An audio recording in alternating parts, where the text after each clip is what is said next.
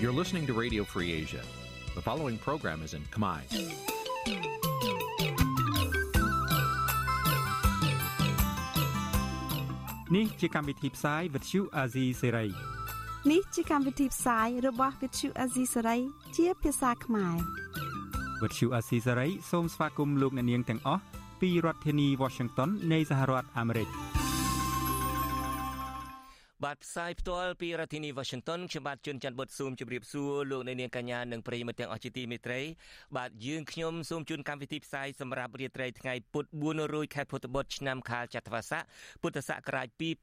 2566ដែលត្រូវនៅថ្ងៃពុធទី14ខែកញ្ញាគ្រិស្តសករាជ2022បាទជាកិច្ចចាប់ផ្ដើមនេះសូមអញ្ជើញលោកអ្នកនាងស្ដាប់ព័ត៌មានប្រចាំថ្ងៃដែលមានមេតិការដូចតទៅ thank you បិទបញ្ចប់អង្គហេតុករណីហិង្សានៅផ្លូវវែងស្រេងក្នុងសំណុំរឿងលោកកឹមសុខាគណៈបកក្រៅរដ្ឋាភិបាល4គ្រងជួបក្រសួងមហាផ្ទៃជជែកពី ការបង្កបរិយាកាសល្អរវាងអាជ្ញាធរនិងបកនយោបាយលោកហ៊ុនសែនប្រាប់ឲ្យអាស៊ានខិតខំស្ដារសេដ្ឋកិច្ចឡើងវិញ បាទនៅក្នុងការផ្សាយនារីត្រីនេះដែរយើងនឹងមានបទសម្ភាសផ្ទាល់ជាមួយលោកសំរៀងស៊ីដែលលោកថាតឡាការពន្យាពេលរឿងក្តីរបស់លោកគឺជាចេតនានយោបាយរបស់លោកហ៊ុនសែនរួមនឹងព័ត៌មានផ្សេងផ្សេងមួយចំនួនទៀត។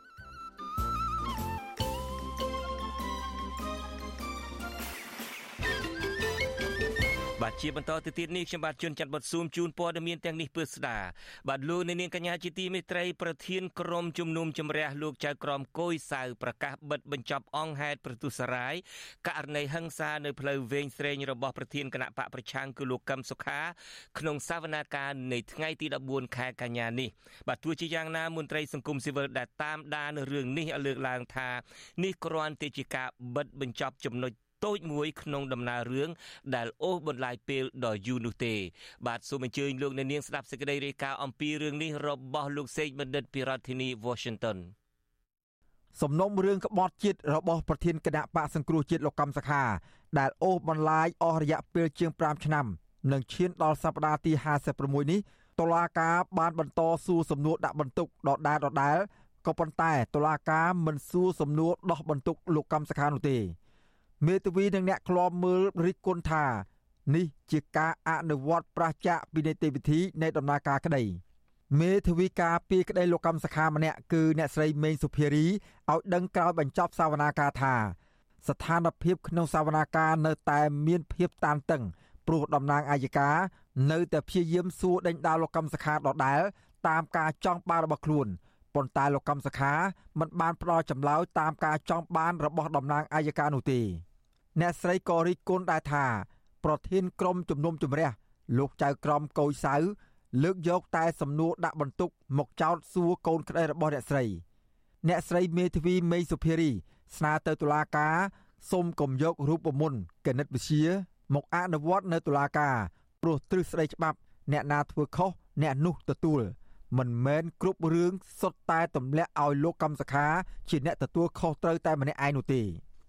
សង្គ្រោះជាតិមួយចំនួនបានទៅធ្វើបាតកម្មសកម្មជនមួយចំនួនបានទៅធ្វើបាតកម្មដូច្នេះហើយគឺជាការទទួលខុសត្រូវរបស់កូនស្រីខ្ញុំហីទេមិនមែនទេមិនជាការទទួលខុសត្រូវទេពីព្រោះដូចខ្ញុំលើកចឹងគឺអ្នកណាធ្វើអ្នកនោះទទួលខុសត្រូវជាគោលការណ៍ព្រមមិនតាន់ឈ្មោះកធ្វើគឺអ្នកនោះត្រូវទទួលខុសត្រូវយើងអាចយករូបមន្តធរណីមេតមកនិយាយថាអាស្មើនឹង B B ស្មើនឹង C អញ្ចឹងនាំឲ្យ A នឹងវាស្មើ C ដែរវាអត់អាចអញ្ចឹងទេចាអត់អាចយករូបមន្តនឹងមកធ្វើនៅក្នុងរឿងព្រមមិនតាន់នៅតុលាការបានទេចា នារយៈពេលចុងក្រោយនេះតុលាការនៅតែបន្តបើកយកករណីហិង្សានៅផ្លូវវែងស្រេង នៅស្ពានអាកាសស្ទឹងមានជ័យនិងនៅស្ពាននៀកកាលពីឆ្នាំ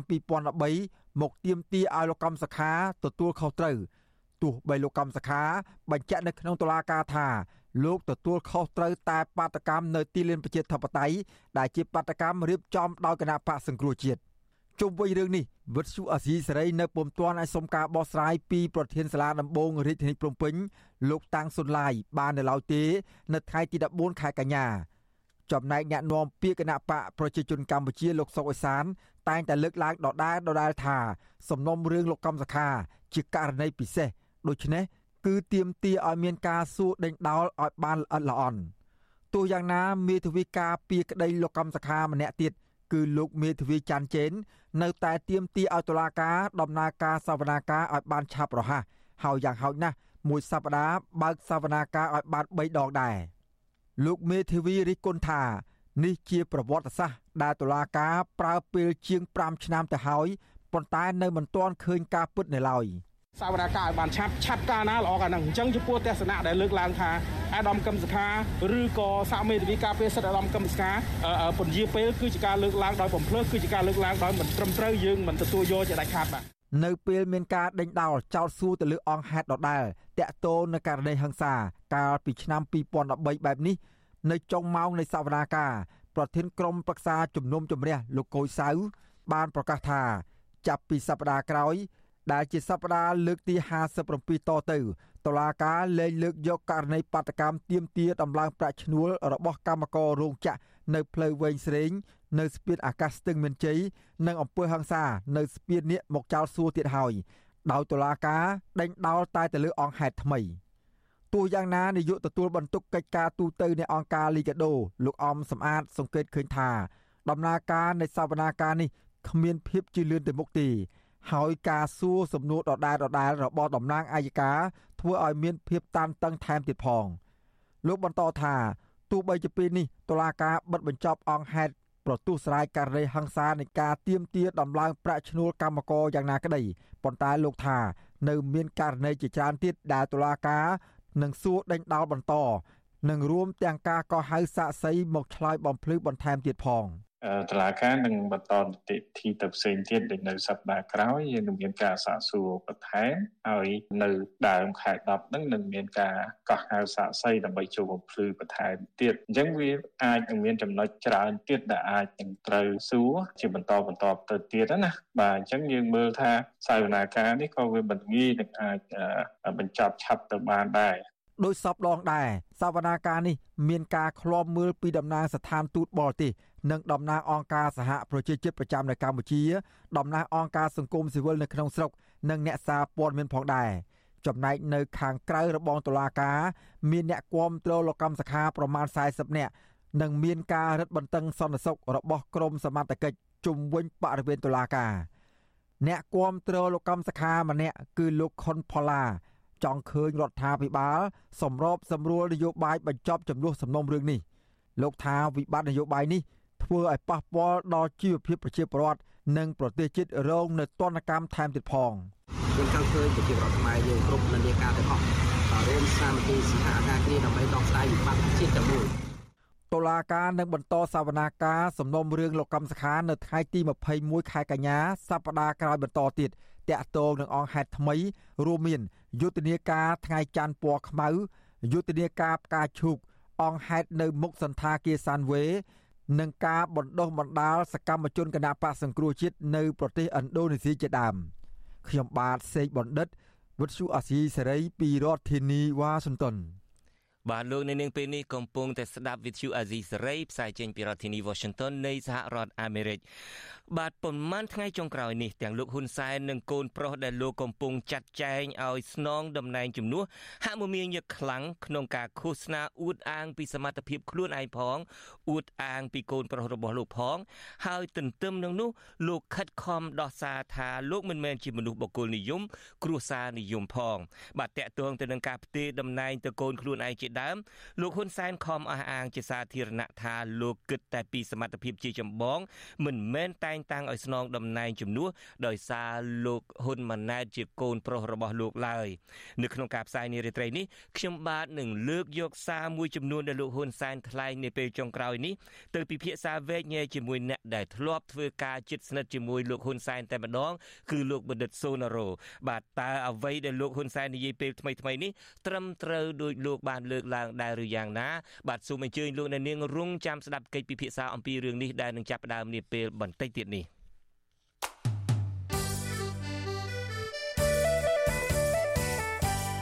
បាទលោកសំរៀងស៊ីប្រធានស្ដីទីគណៈបកសង្គ្រោះជាតិលើកឡើងថាការពន្យាពេលប្រកាសសាលក្រមសំណុំរឿងរបស់លោកនៅតុលាការក្រុងភ្នំពេញនោះគឺជាចេតនានយោបាយរបស់លោកនាយករដ្ឋមន្ត្រីហ៊ុនសែនបាទលោកសំរៀងស៊ីប្រាប់វិទ្យុអាស៊ីសេរីកាលពីយប់ថ្ងៃទី13ខែកញ្ញាថាតុលាការប្រទេសបារាំងកំពុងដំណើរក្តី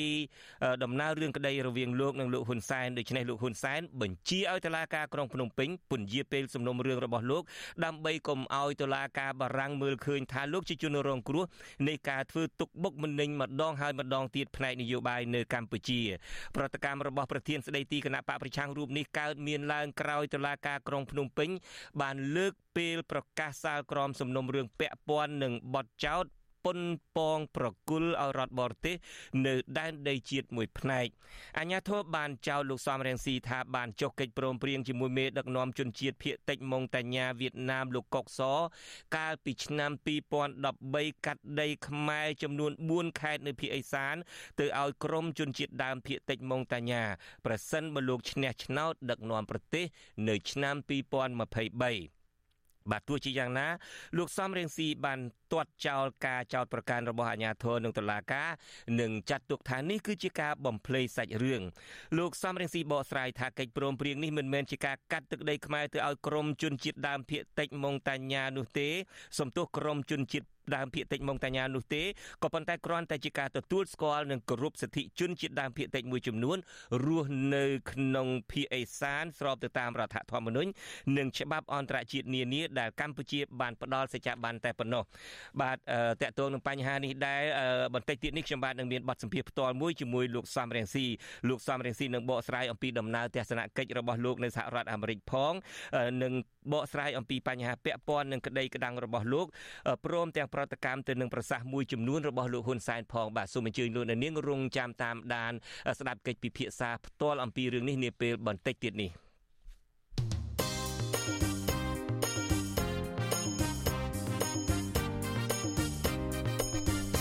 បាទតកតងនៅរឿងនយោបាយនេះដែរគណៈបកនយោបាយចំនួន4គ្រងជួបក្រសួងមហាផ្ទៃនៅថ្ងៃទី15ខែកញ្ញាស្អែកនេះដើម្បីស្នើឲ្យមានការកែលម្អសេរីភាពនយោបាយរវាងអាជ្ញាធរនិងគណៈបកនយោបាយអនុប្រធានគណៈបកភ្លើងទៀនលោកជេបគឹមអៀងឲ្យវិទ្យុអាស៊ីសេរីដឹងនៅថ្ងៃទី14ខែកញ្ញានេះថាក្រសួងមហាផ្ទៃបានយល់ព្រមឲ្យមេដឹកនាំគណៈបកក្រៅរដ្ឋាភិបាលទាំង4ជួបនៅទីស្តីការក្រសួងមហាផ្ទៃលោករំពឹងថាជំនួបនេះនឹងបង្កឲ្យបរិយាកាសល្អរវាងអាជ្ញាធរដែលស្ថិតក្រោមបង្គាប់របស់ក្រសួងមហាផ្ទៃជាមួយគណៈបកក្រៅរដ្ឋាភិបាលដើម្បីឲ្យការបោះឆ្នោតឆ្នាំ2023ខាងមុខនេះដំណើរការទៅបានល្អ ពេលដែលមានបញ្ហាកើតឡើងបញ្ហាប្រឈមបញ្ហាបំផុតបំភ័យបញ្ហាគិកំហែងណាមួយដល់មូលដ្ឋានយើងនឹងមានលទ្ធភាពផ្ដល់ព័ត៌មានឬក៏សហការជាមួយនឹងក្រសួងដើម្បីធ្វើការដោះស្រាយអំពីបញ្ហាហ្នឹងហើយគឺជាយន្តការមួយដែលយើងដាក់ទៅសុំជជែកជាមួយក្រសួងនិងស្នើក្រសួងរៀបចំអំពីយន្តការដើម្បីសិក្សាជាមួយជាមួយនឹងគណៈបញ្ញបាយដែលនៅក្រៅថាបាលហ្នឹងបាទបាទតកតងនឹងរឿងនេះដែរវិទ្យុអាស៊ីស្រីមិនទាន់បានសុំការបញ្ជាក់បន្ថែមពីអ្នកនាំពាក្យក្រសួងមហាផ្ទៃគឺលោកខៀវសុភ័ក្របាននៅឡើយទេនៅថ្ងៃទី14ខែកញ្ញានេះគណៈបកភ្លើងទៀនគណៈបកប្រជាធិបតេយ្យមូលដ្ឋានគណៈបកឆន្ទៈខ្មែរនិងគណៈបកកែទម្រង់កម្ពុជា បានរួមគ្នាដាក់លិខិតទៅរដ្ឋសភាក្រសួងមហាផ្ទៃនិងគណៈកម្មាធិការជាតិរៀបចំការបោះឆ្នោតកោជបកាលពីចុងខែសីហា ស្នើកែច្បាប់មួយចំនួន ដើម្បីធ្វើការកែទម្រង់ប្រព័ន្ធបោះឆ្នោត និងសេរីភាពនយោបាយនៅពេលខាងមុខឲ្យមានភាពល្អប្រសើរឡើងវិញគិតមកទល់ពេលនេះនៅរដ្ឋគិតមកទល់ពេលនេះនៅ នៅតែរដ្ឋសភាមួយទេដែលមិនទាន់យល់ព្រមជួបជាមួយគណៈបកទាំងនេះដោយលើកឡើងថារដ្ឋសភាមិនជជែកជាមួយគណៈបកដែលគ្មានអាសនៈនៅក្នុងសភាឡើយទោះជាយ៉ាងណាគណៈបកទាំង4គ្រងនឹងដាក់លិខិតទៅរដ្ឋសភាជាថ្មីម្ដងទៀតនៅសប្តាហ៍ក្រោយព្រោះពួកគេអះអាងថាទោះជាពេលនេះពួកគេគ្មានកៅអីនៅក្នុងរដ្ឋសភាក្តីក៏ប៉ុន្តែគណៈបកទាំង4នេះតំណាងឲ្យពលរដ្ឋជិត1លាននាក់ដែលបានបោះឆ្នោតឲ្យពួកគេក្នុងការបោះឆ្នោតឃុំសង្កាត់ បាទលោកនាងកញ្ញាជាទីមេត្រីលោកហ៊ុនសែនអំពាវនាវឲ្យអាស៊ានខិតខំប្រឹងធ្វើការរួមគ្នាដើម្បីស្ដារសេដ្ឋកិច្ចឡើងវិញនិងដោះស្រាយបញ្ហាប្រឈមជាសកល សាររបស់ប្រធានអាស៊ានបដូវវេនរូបនេះធ្វើឡើងក្នុងពិធីបើកកិច្ចប្រជុំរដ្ឋមន្ត្រីសេដ្ឋកិច្ចអាស៊ានលើកទី54និងកិច្ចប្រជុំពាក់ព័ន្ធដែលរៀបចំនៅខេត្តសៀមរាបនៅថ្ងៃទី14ខែកញ្ញានេះអ្នកជំនាញផ្នែកភូមិសាស្ត្រនយោបាយយល់ថាការចង់បានរបស់កម្ពុជា នៅក្នុងវេទិកាតំបន់អាស៊ាននេះគ្រាន់តែជាសារនយោបាយហើយពិបាកនឹងសម្រេចបានបើគ្មានកិច្ចសហការផ្ទៃក្នុងអាស៊ាន បាទលោកថាថៃមានសេចក្តីរាយការណ៍អំពីរឿងនេះពីក្រុងមែលប៊ននៃប្រទេសអូស្ត្រាលីលោកនាយករដ្ឋមន្ត្រីហ៊ុនសែនលើកឡើងថាគណៈពិភពលោកកំពុងជួបឧបសគ្គជាច្រើនក្នុងការអភិវឌ្ឍនោះ លោកជំរុញឲ្យអាស៊ានត្រូវតែផ្ដល់សារៈសំខាន់បន្ថែមទៀតដល់ការរក្សាឲ្យបាននូវប្រព័ន្ធពាណិជ្ជកម្មឈលលើវិធានការច្បាប់គោលការណ៍សកលភាវូពាណិជ្ជកម្មយន្តការពហុភាគីនិយម និងសេរីភាវូពាណិជ្ជកម្មពាណិជ្ជកម្មនិងវិនិយោគការប្រឆាំងនឹងការគាំពៀនិយមការលើកកម្ពស់ភាពធន់រឹងមាំនិងចង្វាក់ផ្គត់ផ្គង់ដល់តំបន់និងសកលកសាងសេដ្ឋកិច្ច Digital កិច្ចការពីបរិស្ថានការប្រើប្រាស់ធម្មពលស្អាតនិងការអភិវឌ្ឍប្រកបដោយចីរភាពនិងការរក្សាសន្តិសុខស្បៀង ទន្ទឹមគ្នានឹងការប្រយុទ្ធប្រឆាំងជំងឺ Covid និងកិច្ចខិតខំប្រឹងប្រែងស្ដារសេដ្ឋកិច្ចឡើងវិញបន្ថែមលើនេះចាក់គោវិស័យអាស៊ានក្រោយឆ្នាំ2025ដែលអាស៊ានកំពុងរៀបចំនេះគួរផ្ដោតការគិតគូរលើយុទ្ធសាស្ត្រជាយុទ្ធសាស្ត្រលើបញ្ហាថ្មីថ្មីរួមមានការវិវត្តរីកចម្រើននៃវិស័យសេដ្ឋកិច្ច Digital ការកាត់បន្ថយគម្លាត Digital ក្នុងតំបន់ការពង្រឹងភាពធន់អាស៊ានទៅនឹងគ្រោះមហន្តរាយនិងជំងឺឆ្លងរាតត្បាតនានាការលើកកម្ពស់ អភិវឌ្ឍសេដ្ឋកិច្ចបៃតងការការពារពលករចំណាក់ស្រុកការអភិវឌ្ឍពលករជំនាញនិងការអភិវឌ្ឍសហគ្រាសធុនតូចនិងបច្ចុប្បន្នជាដើមលោកហ៊ុនសែនក៏បានជំរុញឲ្យអាស៊ានគូពិចារណាលើគំនិតផ្ដួចផ្ដើមបង្កើតក្របខ័ណ្ឌកិច្ចព្រមព្រៀងបៃតងអាស៊ានផងដែរដោយសារបច្ចុប្បន្ននេះពិភពលោកនិងអាស៊ានកំពុងប្រឈមនឹងបញ្ហាបំរែបំរួលអាកាសធាតុនិងការសម្រេចបាននូវគោលដៅអភិវឌ្ឍប្រកបដោយចីរភាពឆ្នាំ2030 មេដឹកនាំដែលរងការរិះគន់ខ្លាំងរឿងបំផ្លិចបំផ្លាញធនធានធម្មជាតិរូបនេះបង្ហាញនៅជំនឿជឿជាក់ថាកិច្ចព្រមព្រៀងនេះនឹងអនុញ្ញាតឲ្យតំបន់អាស៊ានអាចប្រែខ្លួនបន្តិចម្ដងបន្តិចម្ដងឆ្ពោះទៅអនាគតបៃតងដែលមានចីរភាពការប្រើប្រាស់ធនធានប្រកបដោយប្រសិទ្ធភាពធន់រឹងមាំនិងភាពប្រកួតប្រជែងក្នុងផ្នែកសេដ្ឋកិច្ច ក្រោយការថ្លែងសន្ទរកថារបស់លោកហ៊ុនសែននេះរដ្ឋមន្ត្រីក្រសួងពាណិជ្ជកម្មនិងជារដ្ឋមន្ត្រីសេដ្ឋកិច្ចអាស៊ានសម្រាប់កម្ពុជាលោកប៉ាន់សូសាក់ក៏បានបន្តកិច្ចប្រជុំរដ្ឋមន្ត្រីសេដ្ឋកិច្ចអាស៊ានលើកទី54និងកិច្ចប្រជុំពាក់ព័ន្ធជាមួយរដ្ឋមន្ត្រីសេដ្ឋកិច្ចមកពីប្រទេសជាសមាជិកអាស៊ាននិងដៃគូដទៃទៀតដូចជាចិនឥណ្ឌារុស្ស៊ីជប៉ុននិងកូរ៉េខាងត្បូងលើកលែងតែភូមាឬមីយ៉ាន់ម៉ា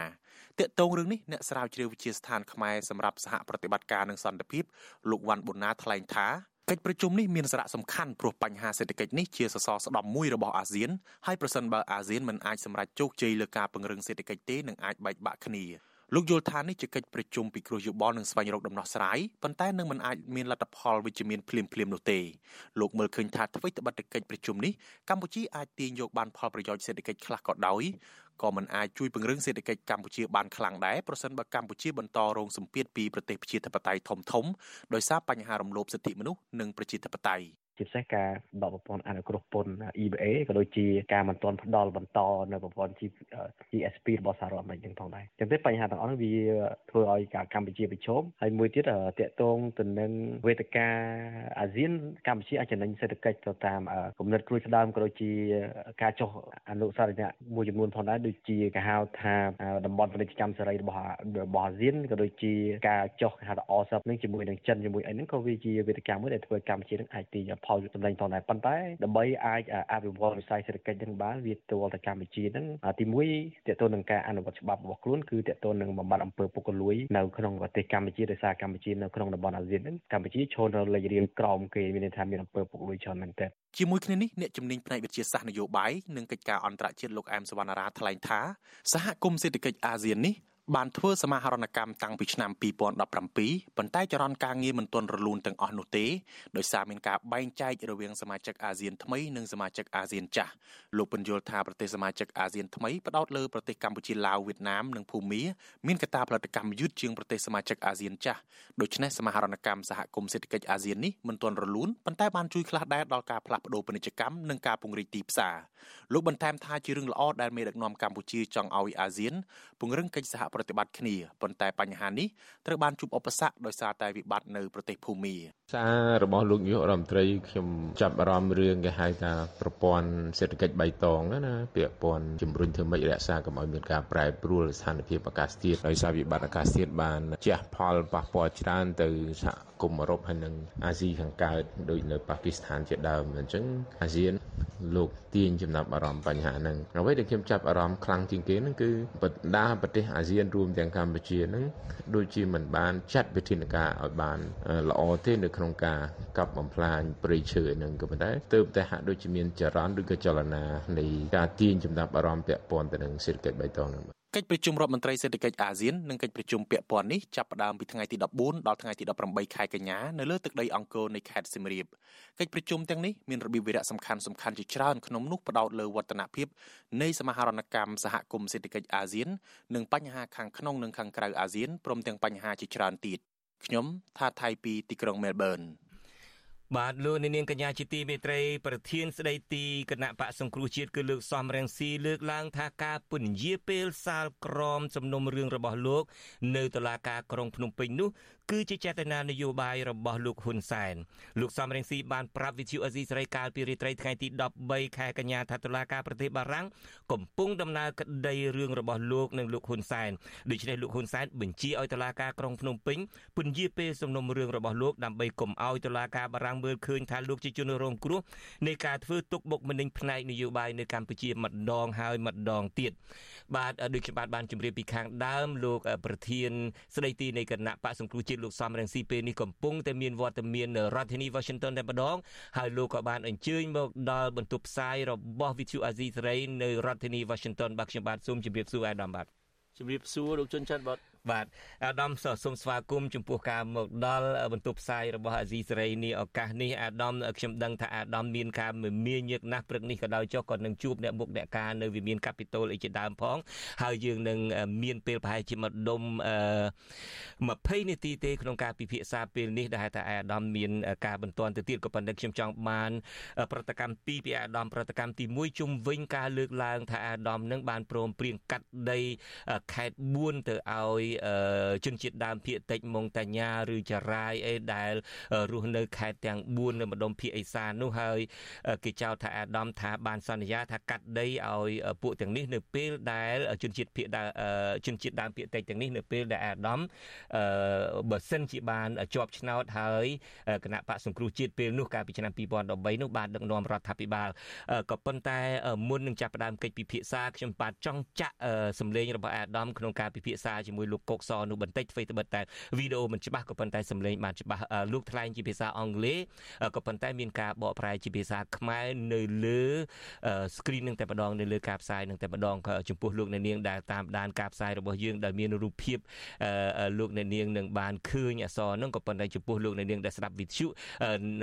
ហើយមិនចេះភាសាអង់គ្លេសអាចមិនយល់ទេខ្ញុំបាទនឹងសង្ខេបជូននៅពេលក្រោយបាទសូមជើញចាក់ប្រសាសន៍នៅពេលនោះបន្តិចបាទ Oksaw, Oksaw is the head of the Deca movement,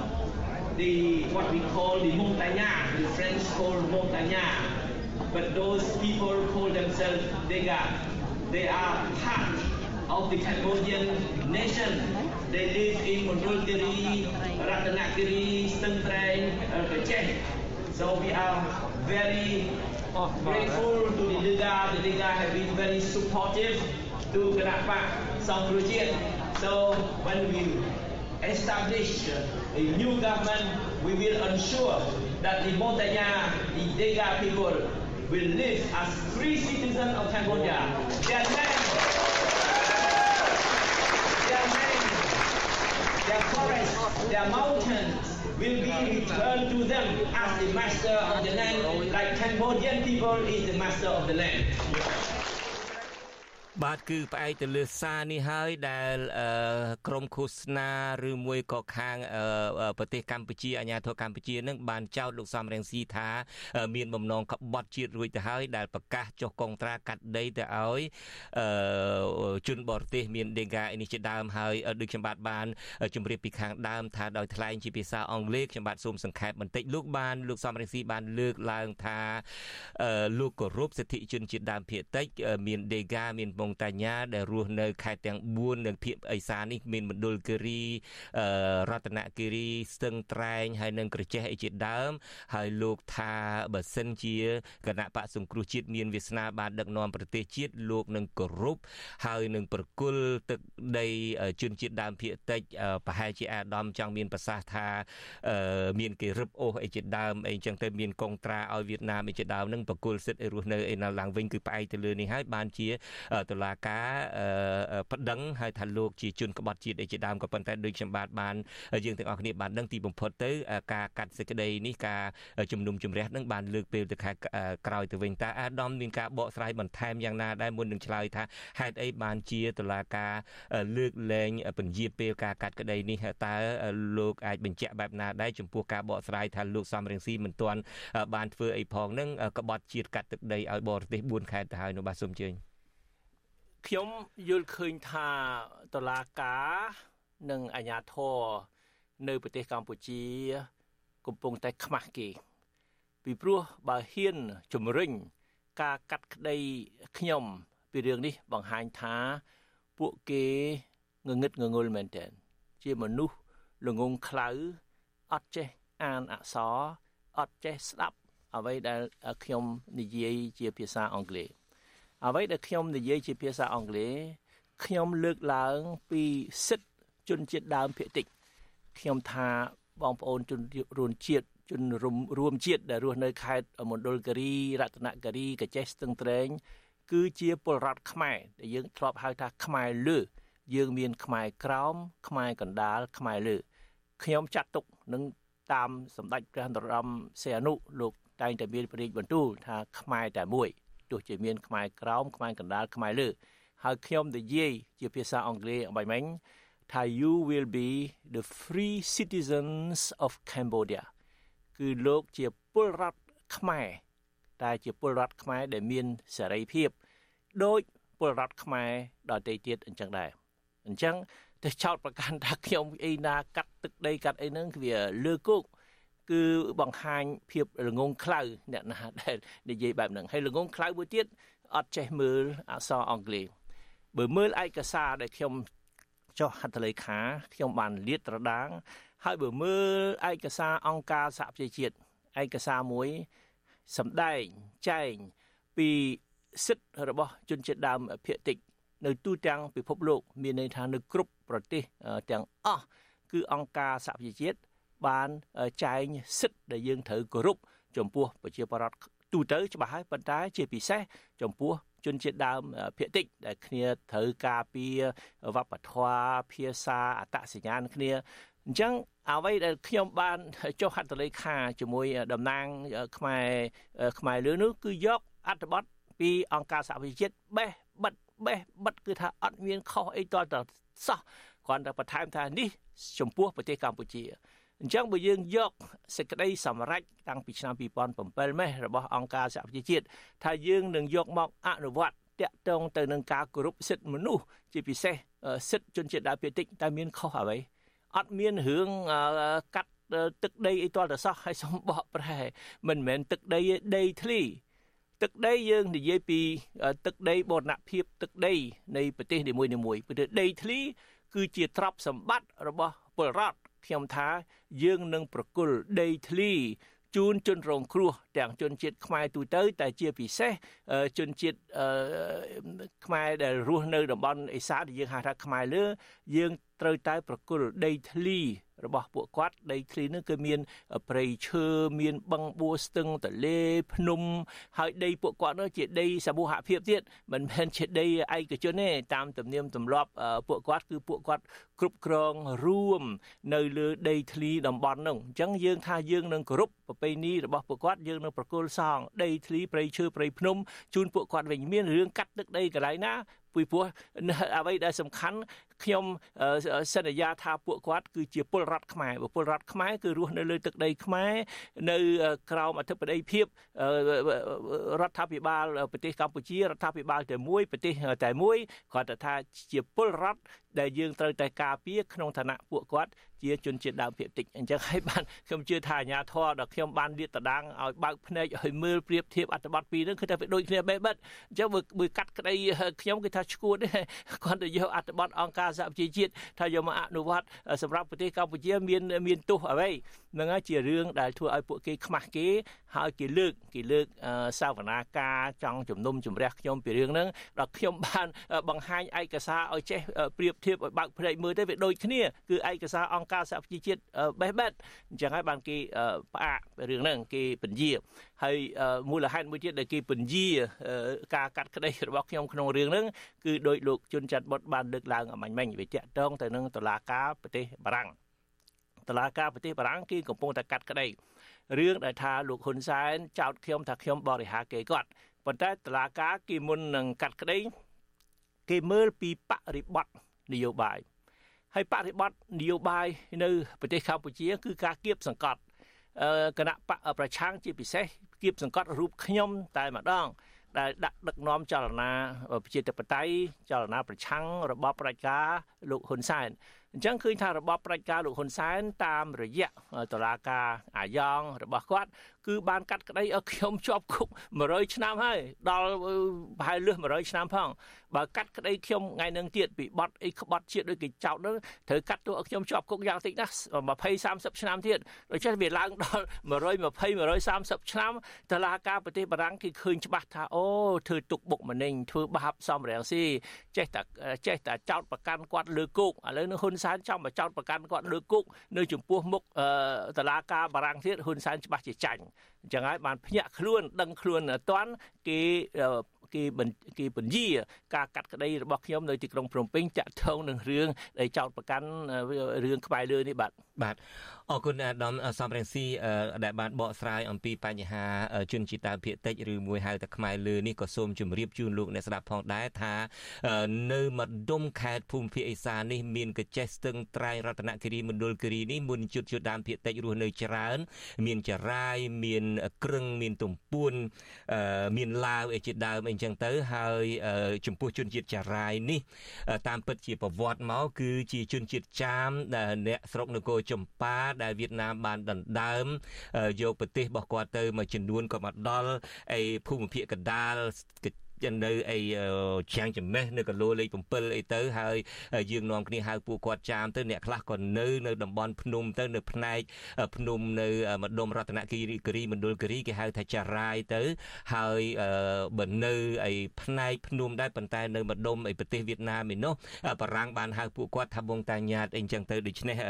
ពាក្យបងតាញាតចាមឬចារាយហ្នឹងគឺសុទ្ធតែជា មាន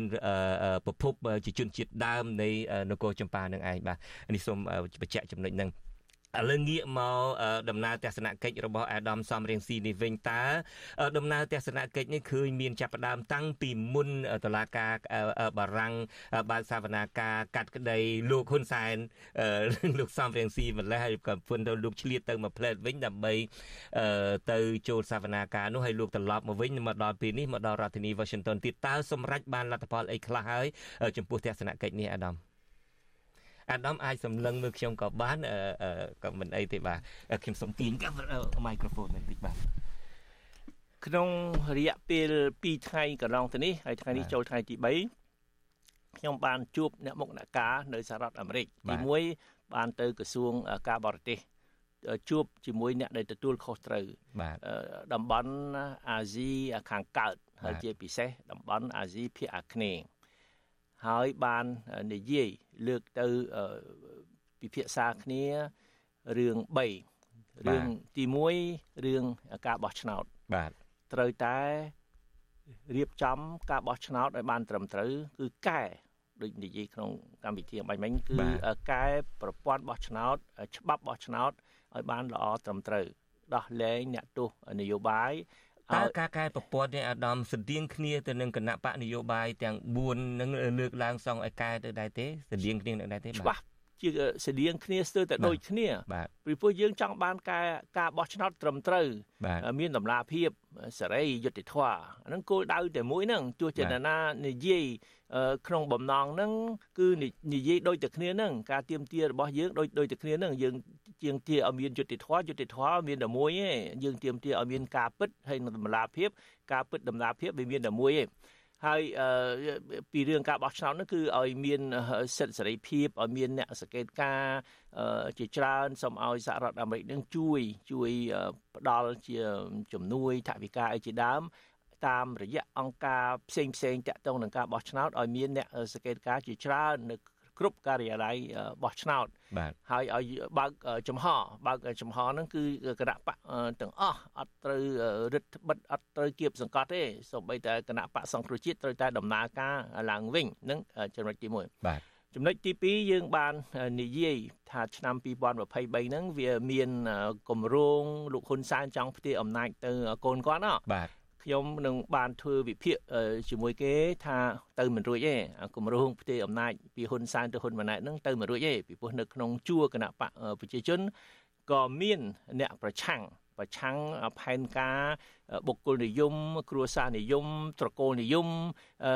ក្នុងជួរគណៈបកប្រជាជន មានមនុស្សដែលគេមិនមិនមិនព្រមទេឲ្យមានការផ្ទេរអំណាចបែបហ្នឹងដូច្នេះមានលទ្ធភាពថាគណៈបកដែលតំណាងឲ្យចលនាប្រជាធិបតេយ្យ អាចនឹងចាប់ដៃជាមួយនឹងកម្លាំងក្នុងជួរគណៈបកប្រជាជន ដែលប្រឆាំងការផ្ទេរអំណាចក្នុងត្រកូលហ៊ុនសែនតើនេះជាការ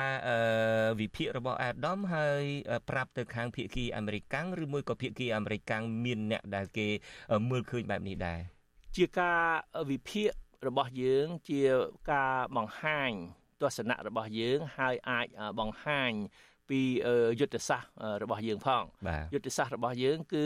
យើងអត់មានប្រឆាំងគណៈបកប្រជាជនជាទូទៅទេយើងប្រឆាំងតែហ៊ុនសែនបកពួកក្រុមគ្រួសារហ៊ុនសែនដែល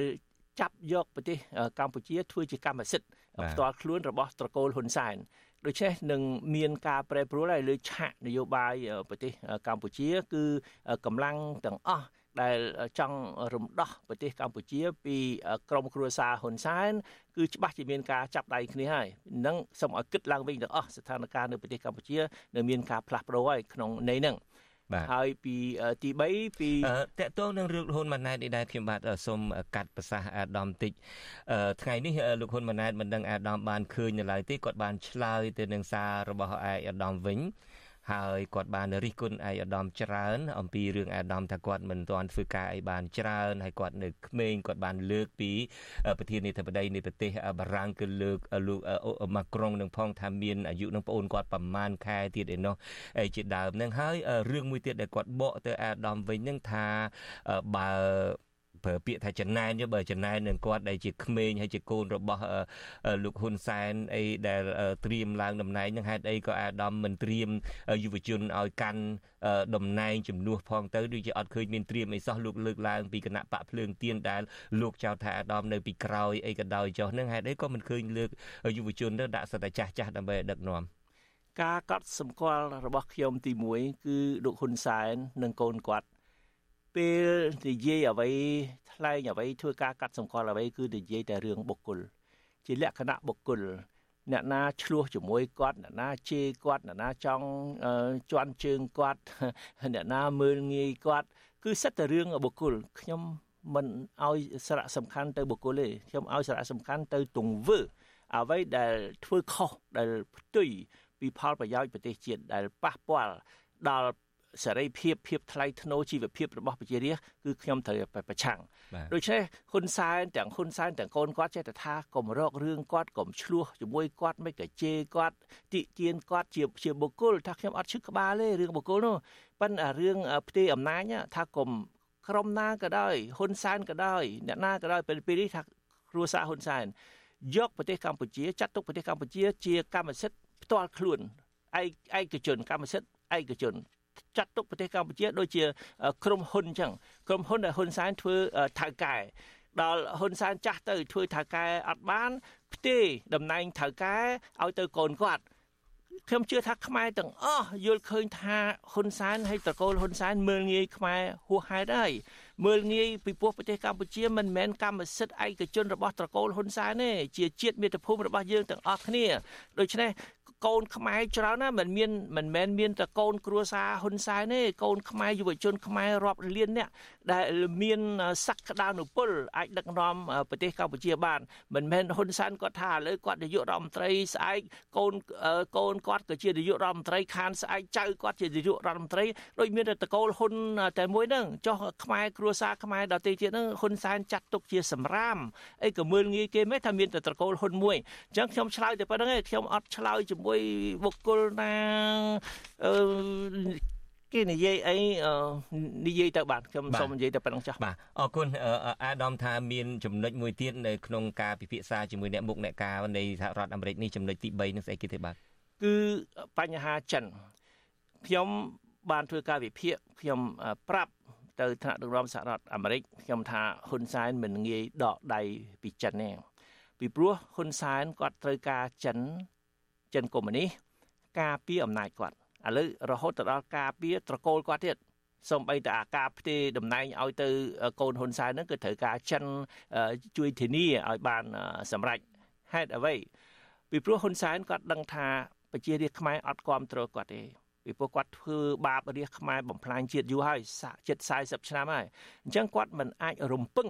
លើខ្មែរប្រជាប្រដ្ឋខ្មែរនេះគាត់ត្រូវរំពឹងលើបរទេស ហើយរំពឹងលើបរទេសរំពឹងចិនរំពឹងអ្វីខ្លះរំពឹងខាងហិរញ្ញវត្ថុគឺមានតែចិនទេដែលមានលុយជះមកឲ្យរបបហ៊ុនសែនជះ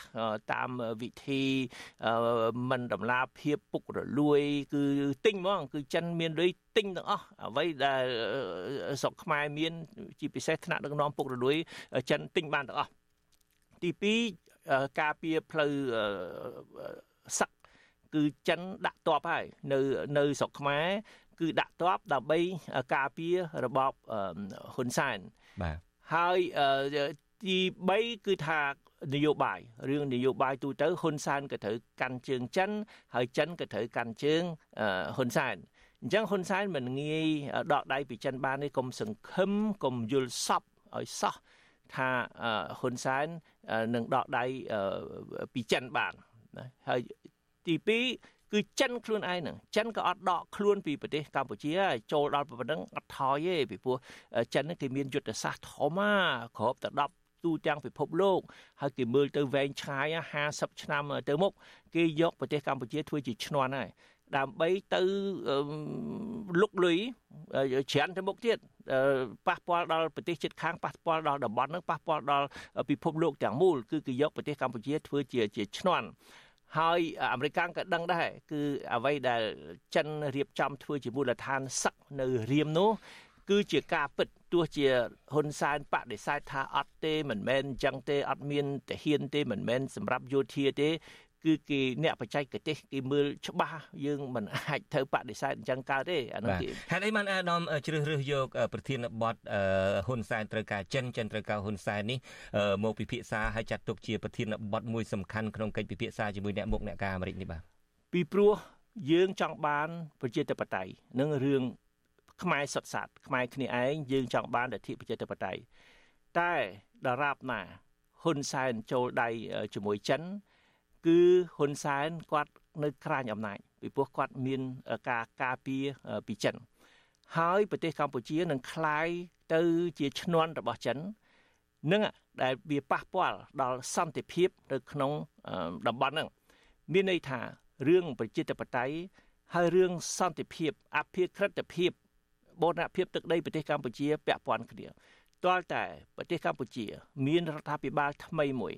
ដឹកនាំដោយអ្នកដែលគោរពសិទ្ធិរបស់ប្រជាពលរដ្ឋខ្មែរធានាប្រជាធិបតេយ្យហើយពេលនោះបានរដ្ឋាភិបាលថ្មីបែបហ្នឹងនឹងទៀមទាឲ្យគោរពកិច្ចព្រមព្រៀងទីក្រុងប៉ារីសកិច្ចព្រមព្រៀងទីក្រុងប៉ារីគឺប្រទេសកម្ពុជាត្រូវតែឯករាជ្យអត់ត្រូវទៅរណបអត់ត្រូវទៅចូលដៃជាមួយប្រទេសណាទៀតមហាអំណាចតាណាទៀតទេដូចជាប្រទេសចិនសប្តាហ៍ទី2ប្រទេសកម្ពុជាមិនត្រូវអនុញ្ញាត ឲ្យប្រទេសណា មានសិទ្ធិមកបោះទីតាំងទីពិសេសទីតាំងយោធាមកលើទឹកដីប្រទេសកម្ពុជាទេអញ្ចឹងបើតារាបណាហ៊ុនសែននៅកាន់អំណាចគឺចិននៅគ្រប់គ្រងប្រទេសកម្ពុជាចិនយកប្រទេសកម្ពុជាធ្វើជាឈ្នន់ទាល់តែមានរដ្ឋាភិបាលថ្មីដឹកនាំដោយអ្នកប្រជាធិបតេយ្យបានយើងនឹងធានាឲ្យប្រទេសកម្ពុជាឯករាជ្យអត់ឲ្យមានកងទ័ពបរទេសមកបោះទីតាំងលើទឹកដីប្រទេសកម្ពុជាបាទអាដាមដល់ម៉ោងថាប៉ុន្តែខ្ញុំបាទសួរតែមួយម៉ាត់ទៀតទេអាដាមថាបញ្ញាប់ទៅជួបអ្នកបុកអ្នកការតើអាដាមនឹងជួបអ្នកណាគេបាទ បន្ទាប់ពីនេះរឿងខ្លះនិយាយបានរឿងខ្លះនិយាយអត់បានទេពីព្រោះមិនអីអញ្ចឹងអរគុណអាដាមអាដាមអាចអញ្ជើញទៅចុះខ្ញុំបាទសូមអរគុណដែលសូមជម្រាបលាតែប៉ុណ្ណេះអាដាមអញ្ជើញទៅចុះខ្ញុំបន្តការផ្សាយទៅទៀតបាទសុខសប្បាយបាទបាទលោកនាងកញ្ញាជាទីមេត្រីប៉ុន្មានថ្ងៃចុងក្រោយនេះទាំងលោកហ៊ុនសែននិងកូនប្រុសលោកដែលកំពុងចាត់ចែងឲ្យស្នងតំណែងហាក់មមាញឹកខ្លាំងណាស់ក្នុងការឃោសនាអួតអាងពីសមត្ថភាពរបស់ខ្លួនលោកផង និងកូនរបស់លោកផង ហើយទន្ទឹមគ្នានោះលោកខិតខំដោះសារថាលោកមិនមែនជាមនុស្សបកគលនិយម គ្រួសារនិយមផង បាទតកតងទៅនឹងការផ្ទេរតំណែង ទៅឲ្យកូនខ្លួនឯងជាដើមលោកហ៊ុនសែនខំអះអាងជាសាធារណៈថាលោកគិតពីសមត្ថភាពជាចម្បង មិនមែនតែងតាំងឲ្យស្នងតំណែងជំនួសដោយសារលោកហ៊ុនម៉ាណែតនោះគឺជាកូនប្រុសរបស់លោកទេ បាទនាពេលបន្តិចទៀតនេះខ្ញុំបាទនឹងយកសារមួយចំនួនដែលលោកហ៊ុនសែនបានថ្លែងនាពេលចុងក្រោយនេះមកពិភាក្សាវែកញែកជាមួយអ្នកដែលធ្លាប់ធ្វើការជាមួយនឹងលោកហ៊ុនសែនផ្ទាល់តែម្ដងគឺលោកបណ្ឌិតសូណារ៉ូបាទតើអ្វីដែលលោកហ៊ុនសែននិយាយនាពេលថ្មីថ្មីនេះត្រឹមត្រូវដោយលោកបានលើកឡើងឬទេបាទសូមអញ្ជើញរងចាំស្ដាប់ការបកស្រាយនាពេលបន្តិចទៀតនេះ បាទលោកនាងកញ្ញាជាទីមេត្រីមន្ត្រីស្រាវជ្រាវនឹងតស៊ូមតិនៃសមាគមបណ្ដាញយុវជនកម្ពុជា កាលពីថ្ងៃទី14ខែកញ្ញាបានធ្វើកម្មវិធីចេញផ្សាយសិភៅរបាយការណ៍មួយ ស្ដីពីសិទ្ធិនិងករណីកិច្ចក្នុងការការពារធនធានធម្មជាតិនៅកម្ពុជា មន្ត្រីសង្គមស៊ីវិលយល់ឃើញថារបាយការណ៍នេះមានលក្ខណៈវិទ្យាសាស្ត្រមានប្រយោជន៍សំខាន់សម្រាប់ភាគីពាក់ព័ន្ធប្រើប្រាស់ដើម្បីបំពេញកាតព្វកិច្ចក្នុងការការពារធនធានធម្មជាតិបាទលោកយ៉ងច័ន្ទរាមានសេចក្តីរាយការណ៍អំពីរឿងនេះជូនលោកអ្នកនាងពីរដ្ឋធានី Washington ប្រធានផ្នែកកម្មវិធីស្រាវជ្រាវនឹងតស៊ូមតិនៃសមាគមបណ្ដាញយុវជនកម្ពុជា CYN លោកហេងកំហុងឲ្យវិទ្យុអាស៊ីសេរីដឹងថារបាយការណ៍ស្រាវជ្រាវនេះមានសារៈសំខាន់សម្រាប់អ្នកការពារធនធានធម្មជាតិពីព្រោះវាបានបង្ហាញយ៉ាងច្បាស់អំពីសិទ្ធិនិងករណីកិច្ចរបស់ភាគីពាក់ព័ន្ធនៅក្នុងច្បាប់ផ្សេងផ្សេងដូចជារដ្ឋធម្មនុញ្ញ ច្បាប់ស្តីពីតំបន់ការពារធម្មជាតិនិងច្បាប់ស្តីពីព្រៃឈើជាដើមលោកបន្ថែមថាកម្ពុជាជាប្រទេសដែលមានលិខិតទូបកោពេញលេញនៅក្នុងការអភិរក្សធនធានធម្មជាតិក៏ប៉ុន្តែជាអកុសលធនធានធម្មជាតិនៅកម្ពុជា នៅតែបន្តប្រឈមនឹងការបំផ្លិចបំផ្លាញលោកហេងកំហុងបន្តថាមូលហេតុចម្បងដែលធ្វើឲ្យធនធានធម្មជាតិនៅកម្ពុជានៅតែរងការបំផ្លិចបំផ្លាញនោះគឺអំពើពុករលួយជាប្រព័ន្ធដែលកើតឡើងតាមរយៈសកម្មភាពផ្សេងផ្សេង ដូចជាការផ្ដាល់ដីសម្បត្តិសេដ្ឋកិច្ចជាដើមលោកហេងកំហុងបន្ថែមថានៅក្នុងចំនួនប្រជាពលរដ្ឋសរុប200នាក់ដែលក្រុមការងារបានសម្ភាស40%នៃពួកគាត់បានឆ្លើយថាពួកគាត់បានដឹងនិងឃើញអំពីអំពើពុករលួយរបស់អាជ្ញាធរមានសមត្ថកិច្ច មូលហេតុសំខាន់ដែលធ្វើឲ្យកម្រព្រៃឈើនៅកម្ពុជាមានការថយចុះយ៉ាងខ្លាំងគឺកត្តាសម្បទានសេដ្ឋកិច្ចដែលបានធ្វើឲ្យកម្រព្រៃឈើធ្លាក់យ៉ាងគំហុកជិត10%ឯណោះហើយកត្តាផ្សេងទៀតគឺកត្តាបំលាស់ទីរបស់ប្រជាពលរដ្ឋកត្តាទន្ទ្រានយកដីសាធារណៈរបស់រដ្ឋយកមកកាន់កាប់ជាឯកជនឬក៏ការឈូសបំផ្លាញព្រៃឈើជាដើមហើយអ្វីដែលយើងព្រួយបារម្ភនោះគឺភាពធ្វេសប្រហែសនៅក្នុងការបំពេញមុខងារសាធារណៈរបស់អាជ្ញាធរនិងអំពើពុករលួយនោះបានក្លាយជាកត្តាព្រួយបារម្ភបំផុតក្នុងទំនាក់ទំនងនៃការបាត់បង់គម្របព្រៃឈើនេះលោកហេងកំហុងបានចេញផ្សាយរបាយការណ៍ស្រាវជ្រាវស្ដីពីសិទ្ធិនិងករណីយកិច្ចការពារធនធានធម្មជាតិនៅកម្ពុជានេះនៅថ្ងៃទី14ខែកញ្ញានៅរាជធានីភ្នំពេញកម្មវិធីនេះធ្វើឡើងពេញមួយព្រឹកដោយមានយុវជន និងមន្ត្រីអង្គការសង្គមស៊ីវិលជាង80នាក់ចូលរួមក្នុងនោះអ្នកចូលរួមក៏បានសួរសំណួរនិងបញ្ចេញមតិយោបល់បន្ថែមទៅលើលទ្ធផលនៃការស្រាវជ្រាវនេះដែរ លទ្ធផលរបាយការណ៍ស្រាវជ្រាវដែលមានកម្រាស់ជាង100ទំព័រនេះបានបង្ហាញថាធនធានធម្មជាតិនិងជីវៈចម្រុះជាផ្នែកមួយនៃប្រព័ន្ធអេកូឡូស៊ីនិងដើរតួនាទីយ៉ាងសំខាន់នៅក្នុងការផ្គត់ផ្គង់ជីវភាពប្រចាំថ្ងៃរបស់ប្រជាពលរដ្ឋជិត80%ដែលកំពុងតែរស់នៅជនបទការសិក្សាស្រាវជ្រាវក៏បានរកឃើញដែរថាសហគមន៍ដែលអាស្រ័យផលពីព្រៃឈើឬតំបន់ការពារធម្មជាតិគឺមាន5ទម្រង់រួមមានសហគមន៍មូលដ្ឋាន សហគមន៍ព្រៃឈើសហគមន៍តំបន់ការពារធនធានធម្មជាតិសហគមន៍ជនជាដើមភាគតិច និងសហគមន៍ទេសចរទទោះជាយ៉ាងណា របាយការណ៍នេះបានរកឃើញថា មានប្រជាពលរដ្ឋតែ25%ប៉ុណ្ណោះដែលដឹងអំពីសារៈសំខាន់នៃធនធានធម្មជាតិខណៈក្នុងរយៈពេល20ឆ្នាំចុងក្រោយនេះកម្ពុជាបានបាត់បង់គម្របព្រៃឈើចំនួន14%យុវតីមួយរូបដែលបានចូលរួមនៅក្នុងកម្មវិធីនេះគឺកញ្ញាដាំសុស្រីនាងថ្លែងថា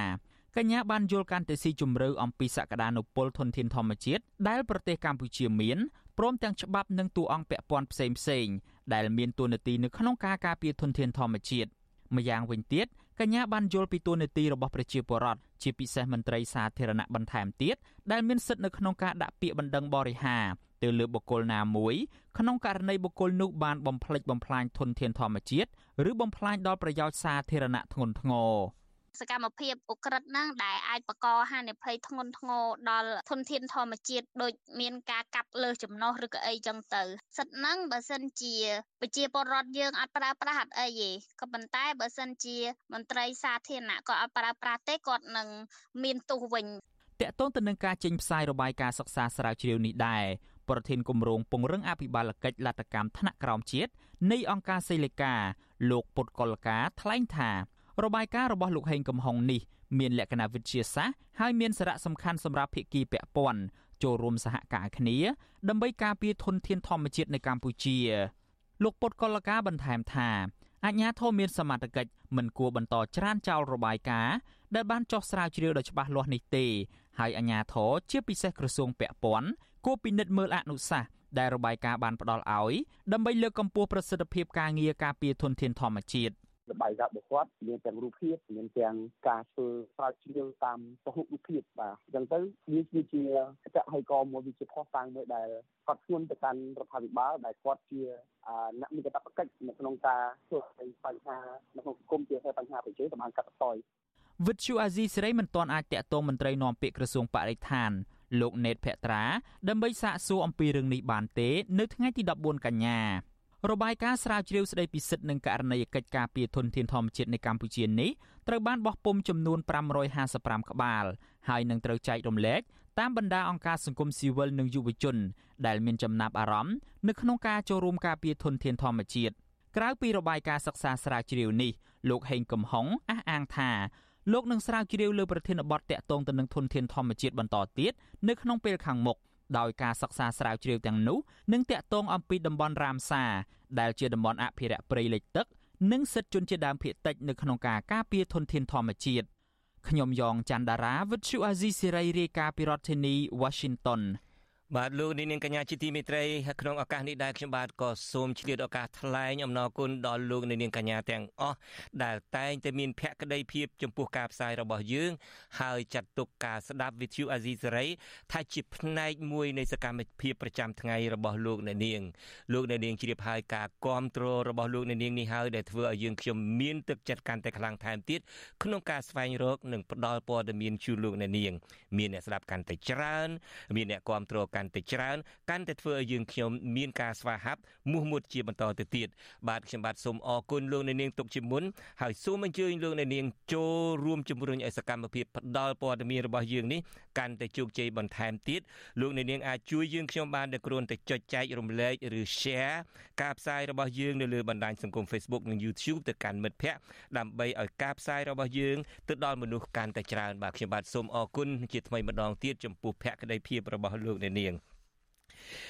នៅមានព័ត៌មានមួយទៀតមុននឹងដល់កិច្ចសម្ភាសរបស់ខ្ញុំបាទជាមួយនឹងលោកបណ្ឌិតសូណារ៉ូនោះគឺតាក់ទងទៅនឹងប្រជាសហគមន៍ឧត្តមស្រែពោះខេត្តកំពង់ស្ពឺអំពាវនាវឲ្យពលរដ្ឋនិងក្រមយុវជនចូលរួមពិធីកាន់បិណ្ឌនៅវត្តមេដាធម្មជាតិឲ្យបានច្រើនកុះកដើម្បីលើកទឹកចិត្តប្រជាសហគមន៍និងព្រះសង្ឃដែលគង់ចាំព្រះវេសាក្នុងវត្តនេះការពារព្រៃឈើនិងសត្វបាទយើងប្រគល់នីតិនេះទៅលោកជីវិតាដើម្បីរាយការណ៍ជូនលោកអ្នកនាងពីរដ្ឋធានី Washington ប្រជាសហគមន៍មួយចំនួនរស់នៅក្នុងភូមិពូមាសឃុំត្រពាំងជោស្រុកអូរ៉ាល់បន្តដាក់វេនគ្នាធ្វើបុណ្យកាន់បិណ្ឌបែបព្រះពុទ្ធសាសនានៅវត្តមេដាធម្មជាតិស្ថិតក្នុងព្រៃសហគមន៍ឧត្តមស្រែពោះ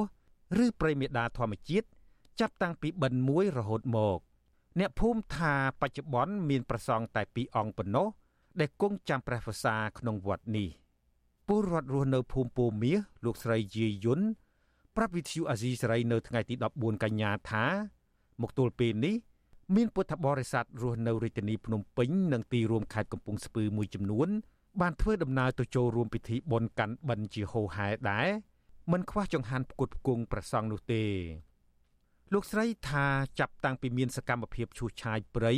និងកាប់ឈើធំធំអស់ស្ទើរទាំងស្រុងវត្តមេដាធម្មជាតិ មើលធ្លុះពីម្ខាងទៅម្ខាង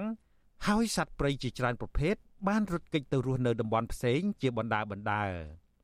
លោកស្រីអំពាវនាវឲ្យក្រុមយុវជននិងពលរដ្ឋរស់នៅជិតឆ្ងាយចូលរួមពិធីកាន់បិណ្ឌនៅវត្តមេដាធម្មជាតិដើម្បីលើកទឹកចិត្តប្រសង់និងប្រជាសហគមន៍ដែលក្រាញននៀលតស៊ូការពារព្រៃឈើដែលនៅសេសសល់នោះ អាចនៅគង់វង្សបានគាត់ទុក ភ័យសម្រាប់គោរពបូជារបស់ជាពលរដ្ឋរបស់គេដូនតាពីយូរមកហើយសូមឲ្យអាជ្ញាធរជួយការពារទុកតាមកដប់ហ្នឹងហើយឥឡូវវាលអស់ហើយអត់ទុកខាងវត្តមើលធ្លុះភ័យមើលធ្លុះវាលអស់ហើយខ្ញុំចឹងសំណូមពរអញ្ចឹងតែគាត់អាញាធរក៏អត់ទុកផងហ្នឹងមានសត្វតូចសត្វឆ្មាសត្វអីក្ងោកអីចឹងមាននៅហ្នឹងដែរអូនសមាជិកសហគមន៍មេដាធម្មជាតិលោកខូនសរិនសង្កេតឃើញថា កាលពីឆ្នាំមុន នៅពេលមិនទាន់មានសកម្មភាពឈូសឆាយព្រៃនិងកាប់ឈើធំធំក្នុងព្រៃអភិរក្សនេះមានយាយជីតាជីនិងប្រសង់ជាច្រើនអង្គមកគង់ក្នុងអាស្រម និងវត្តមេដាធម្មជាតិយ៉ាងច្រើនកុះកដើម្បីធ្វើសមាធិប៉ុន្តែបច្ចុប្បន្នសកម្មភាពលួចកាប់ឈើនៅតែកើតមាន រំខានដល់អ្នករក្សាសិល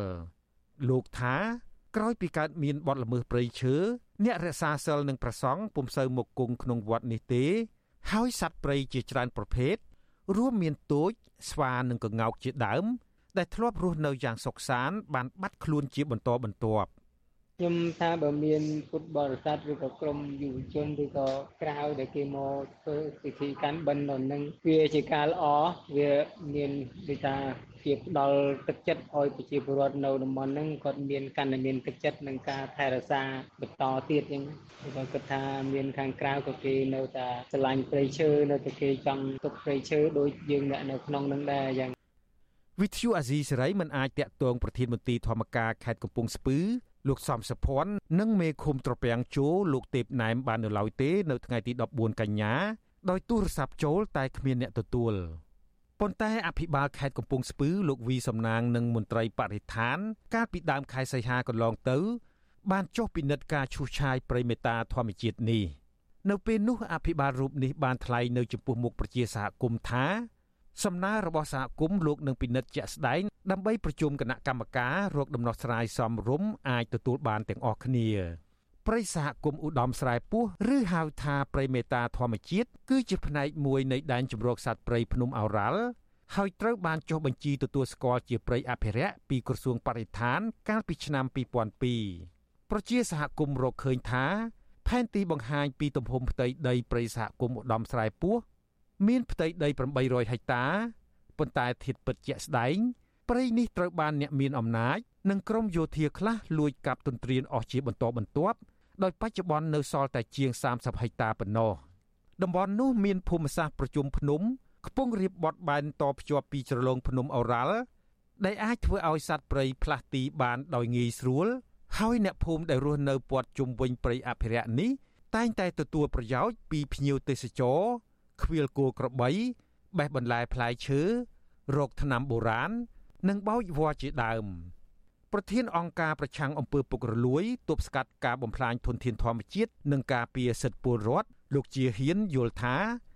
វត្តមានក្រមយុវជន និងពុទ្ធបរិស័ទចូលរួមពិធីកាន់បិណ្ឌនៅវត្តមេដាធម្មជាតិមានសារៈសំខាន់ណាស់ដើម្បីលើកទឹកចិត្តសហគមន៍និងប្រសង់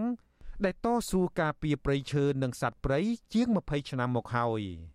ពីកន្លងមកពុំមានបាសកបាសិកាណាមួយចូលរួមច្រើនកកកដូចឆ្នាំនេះទេហើយបើសិនជាមានការចូលរួមខ្ញុំកាន់ខ្ញុំបិណ្ឌនេះហើយក៏សូមឲ្យមានការចូលរួមការស្ដារព្រៃឈើនិងការអភិរក្សដីនៅតំបន់នោះឡើងវិញបាទនេះជាផ្នែកមួយដែលយើងសប្បាយរីករាយក្នុងការចូលរួមវត្តមេដាធម្មជាតិស្ថិតក្នុងកណ្ដាលព្រៃសហគមន៍ឧត្តមស្រែពោះដោយមានដើមឈើធំធំដុះព័ទ្ធជុំវិញផ្ដល់ម្លប់យ៉ាងត្រជាក់ ជាជំរកសម្រាប់សត្វព្រៃនិងមនុស្សពុទ្ធបរិស័ទនិងប្រសង់បានរួមគ្នាកសាងវត្តនេះជាច្រើនទសវត្សរ៍មកហើយដែលជាទីអារាមសម្រាប់យាយជីតាជីមកពីចិត្តឆ្ងាយស្នាក់អាស្រ័យនិងរក្សាសិលអមដោយអាស្រមជាច្រើននៅជុំវិញអ្នកភូមិថាក្រោយពីមន្ត្រីយោធិនង70បានឈូសឆាយព្រៃអភិរក្សនេះជាង400ហិកតាក្នុងរយៈពេលជិតកន្លះឆ្នាំចុងក្រោយនេះ ដើមឈើធំធំត្រូវគេកាប់អស់ស្ទើរតែទាំងស្រុងធ្វើឲ្យបាត់បង់សត្វព្រៃជាច្រើន ហើយប្រពុតរូបខ្លះត្រូវគេបំផ្លាញចោលខ្ញុំជីវិតាអាស៊ីសេរី បាទលោកនាងកញ្ញាជាទីវិត្រីដូចខ្ញុំបាទបានជម្រាបពីខាងដើមនាពេលបន្តិចទៀតនេះខ្ញុំបាទនឹងមានបទសម្ភាសមួយជាមួយអ្នកដែលធ្លាប់ធ្វើការជិតស្និទ្ធជាមួយនឹងលោកនាយករដ្ឋមន្ត្រីហ៊ុនសែនជាទីបំផុតនោះគឺលោកបណ្ឌិតសូណារ៉ូដែលពេលលុះលោកដែលពេលនេះលោកបានមកនៅសហរដ្ឋអាមេរិកហើយ បាទចំពោះលោកអ្នកនាងដែលកំពុងតែតាមដានស្ដាប់ការផ្សាយរបស់យើងនៅលើវិទ្យុរលកធាតុអាកាសខ្លីខ្ញុំបាទសូមជម្រាបលាតែត្រឹមនេះហើយចំពោះលោកអ្នកនាងដែលកំពុងតាមដានស្ដាប់ការផ្សាយរបស់យើងនៅលើបណ្ដាញសង្គមដទៃទៀតមាន YouTube មាន Facebook អីជាដើមកិច្ចពិភាក្សារបស់យើងនឹងចាប់ផ្ដើមនាពេលបន្តិចទៀតនេះ Facebook អីជាដើមកិច្ចពិភាក្សាបាទ